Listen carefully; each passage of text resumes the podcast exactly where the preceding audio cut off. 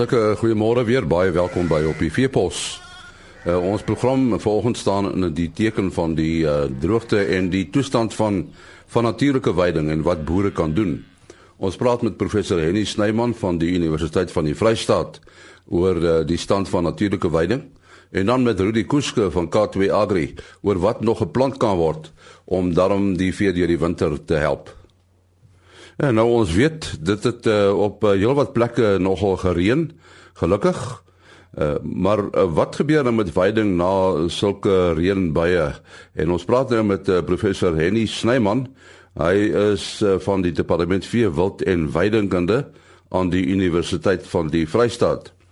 Uh en die uh die reën het uh, op uh, sommige plekke nogal taamlik uh, indringend geval.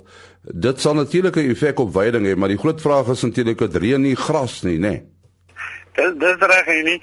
Ek, ek dink die boere moet besef dat uh, die probleem van van hulle kos is nog nie opgelos nie. So ek het die laaste uh, week of twee het ek nogal baie in die veld gekom en wat my nogal baie opgeval het is die geweldige klomp uh, graspolle wat gevrek het sekere van die graspolle het totaal en al gevrek en die ander het net 'n gedeelte daarvan is dood. So ek dink hierdie droogte was so intens dat hy baie van hierdie graspolle net oor daardie drempel van oorlewing gestoot. So dit het nou die implikasie dat die boer nie net vir die winter nie, maar ook vir die komende seisoen of 2 'n laer veidingkapasiteit of draagkrag of sy op sy plaas gaan hê. So die boere moet beplan, hulle moet bedag wees daarop dat uh, baie polle het gevrek en daarom kan hulle minder diere op hulle veld aanhou. Hoe sal hulle weet dat die polle gevrek het? En nie, dit is maklik. Mense men sien sommer dat uh, die pol is sommer totaal dood as jy hom so skop dan daar's geen lewe nie en jy skop hom sommer net uit. Dit dis 'n nou natuurlike veiding, nê? Nee. Dis reg, nee, dit is natuurlike veiding. En en uh, moet die ouens dan nou maar aangeplante veiding, dis natuurlik baie duurder, nê? Nee. Dis reg. Uh, die die gedeeltes waar uh, waar nog 'n uh, gedeelte is wat die wat die boere kan ploeg. Uh, uh dit is in baie dele nou te laat Maar as hy dit kan kan doen is goed soos voorsorgings. Die gee vir jou oor 'n kort 'n tydjie sê maar oor 6 weke kan jy hom bewy of jy kan dalk oordra net voor hy ryp, dan kan jy hom dalk sny vir hooi. Dan is daar goed soos 'n uh, Japaneese radys wat ook vir jou 'n goeie kos gee. Daar's rog, uh, uh, uh, haver en ook gas. So die boere moet vroegtydig saad koop of bestel want ek dink dit gaan nogal 'n groot probleem wees om die saad te bekom. En dan natuurlik moet mense ook die die geaardheid van die grond as sodanig uh, in ag neem, né? Sanderige of kleigrond. Dis reg en elke gewas het nou maar sy spesifieke grondvoorkeur waarop hy die beste gaan gaan gedei, maar dan ook sekere dele het nou weer sekere gewasse wat beter gaan wees. So as ek nou die boere kan raad gee om hulle natuurlike veld op die oomblik te bewy. As hulle dit kan bekostig en dit is die uh moontlik, dan moet hulle nog steeds voer. Ek weet voer is skaars, voer is baie duur, maar dit sal net die natuurlike veld kans gee om om redelik te herstel om dan op die ou end van 'n uh, redelike winterkos te kan gee en dan ook oordra na die lente tyd. Want want die slegte nuus is ons kry gewoonlik in Februarie Maart wat ons natuurlike veld betref kry ons omtrent 50% van die produksie van natuurlike veld as dit as wat mens die res van die seisoen kry. En soos ek nou gesê het van die graspolle wat gevrek het, Uh so luk raak sommer 'n raaiskoot dink ek gaan ons nie die helfte van die produksie kry nie. So daar is nie 'n oordrag kos vir die winter nie en ook nie vir die lente maande nie. So eers in November maand kan 'n mens eers voldoende kos verwag as ons goeie reën ontvang. Nou hierdie uh polle wat so gevrek het, is is dit nou redelik algemeen of net sekere dele? So, so nie dit is redelik algemeen want die die droogte het nogal 'n uh, redelik wyd gestrek.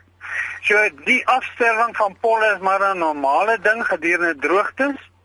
Maar hierdie droogte was baie intens en soos ek gesê het, hy het baie graspolle oor daai drempel gedruk en uh, meer as normaalweg het, het ges, afgesterf. Hierdie afsterwing is normaal soos ek gesê het 'n uh, uh, uh, normale jaar want die ekosisteem moet daardeur aangevul word. Dit is humus wat teruggeplaas word in die grond. So die droogte het nou meegebring dat ons grond is miskien meer vrugbaar maar on, dit is ten koste van boergrondse produksie. So die woordjie weidingsbestuur is nou kardinaal, né? Nee? So dit is nou baie belangrik, weidingsbestuur. So dit lyk of dit groen is, maar as jy nie goed bestuur nie, dan vreet jy daai kamp sommer net in in 'n week of twee op. Uh, en jou telefoonnommer as daar vrae is. So my telefoonnommer is 051 401 3221.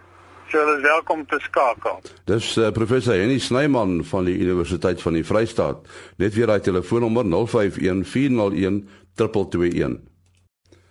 Nou ja, ons het nou net na professor Henny Snyman uh geluister hoe hy praat oor die uh, uh benade toestand van van veiding. En hy het ook gepraat van voergewasse, veidinggewasse eintlik. En uh, ons praat nou met Rudy Kuske van uh, Katwe Agri uh oor watter weidinggewasse nou nog geplant kan word om 'n uh, bietjie redding te bring. Uh Rudy, watter weidinggewasse kan mense plant?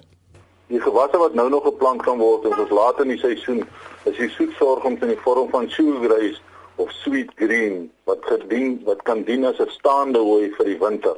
Want enige gewas wat jy nou plant, kan 'n minimum van 8 weke vat voordat daar enigiets is en dan aan die ryp kom en dan beteken dit ook niks nie. Die ouens wat baie vinnig nog groen kos wil hê na 8 weke kan van die ordinêre voedselsorg om so sentop plant, maar hy gaan jou nie bene gee vir die wintermaande nie. So ek kyk na sugargrass teen 'n 5 kg saad per hektaar of sweet green teen 5 kg saad per hektaar wat vir daai doel is wat jy van deurdra of help deurdra vir die winter as kos.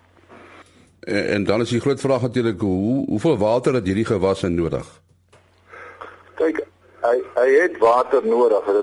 As as daar nie water is, vog wat hy kan deurgaan, hy gaan hy nie hy, hy moet ontkiem en dan gaan hy groei so so lank as wat die water hom kan dien. As dit goed reën gaan hy redelik uitgroei en wat hom gaan stop gaan die ryp wees wat gaan intree om om sy hele groei fase tot stilstand te bring.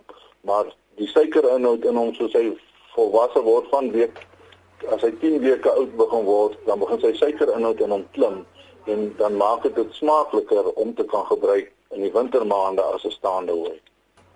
'n Japaneese raduise, kan dit nog uh, geplant word? Hy kan saam, jy kan self Japaneese raduise in die ry omdat die saadjie van sugargrass en Japaneese raduise redelik dieselfde grootte is. Sy Japaneese raduise saam met hulle plant in die ry teen 'n kilogram by hierdie saad meng om te plant in sugargrass wat jy binne kan kry. Ja, jy kan hom nou nog plant. En ondervind julle nou dat dat, boere uh, na julle toe stroom om om hierdie saak te bekom? Ja, die vraag is ongelooflik op hierdie stadium. Oral hart op ons skarrel om om om om die laaste te kan help om die ding bymekaar te kan maak. Het julle genoeg voorraad? Daar is nog redelik voorraad in in in in, in sweet green rice is redelik laag aan vlakke, maar dis hoekom ek praat van sweet green is 'n soortgelyk aan sugar rice wat dieselfde funksie vervul en uh, uh, in terme van 'n soetsorg om soetsorg om basse vir daai doel om te kan gebruik en dan sentop Japaneese raduis se voorrade is is is, is genoegsaam en dan sentop wat 'n ordinêre voersorg om vir die ou wat nog groenweiding en meer wil gaan plant want maar dit sal hy nog groen moet bewy op die laaste stuk want hy gaan nie veel uit hom uitkry nie as 'n staande hoë beteken niks is daar ook voorrade beskikbaar. Uh julle uh, ervare waarskynlik 'n landwyse vraag. Watter deel van die land het die ergste deurgeloop? Vrystaat in die, in in, in Noordwes. En julle sê julle kan help. Ja, ons kan help op baie stadiums op die gestadium op die goed. Wat doen die boere? Kry hulle dan van julle manne uit om te kom kyk of uh, gaan hulle maar net doodgewoon op op wat oor die telefoon gesê word? Almal het my telefoonnommer, ek weet die die verteenwoordigers help my op die veld waar ek kan as 'n vashak bel aan my en ek ek's maar redelik in kontak met boere wat my persoonlik bel om te kan help in die tipe goed want die die die afstande is te groot om vinnig by die in die, in die nood is groot om almal direk te kan help waar jy jy weet 'n persoonlike besoek by kan af vir tyds te kan uh, aflê. So telefonies word die dinge maar hanteer. Ja, mens kan natuurlik foto's ook uh, oor die net stuur, né? Nee? Ja, dit reg. Waar jy dit waar jy as as daar 'n behoefte is kan ek verwys op die hoe dit goed is. As mense nou nog vra, kan hulle met jou in verbinding tree. Hulle kan met jou ja, 100%. Wat is jou telefoonnommer? 082 775 1779. Dit was uh, Rudy Kuske van K2 Agri en sy telefoonnommer net weer 082 775 1779. daarmee ook die einde van ons program. Maandagoggend is ons weer terug om kwart voor 5. Tot dan, mooi loop.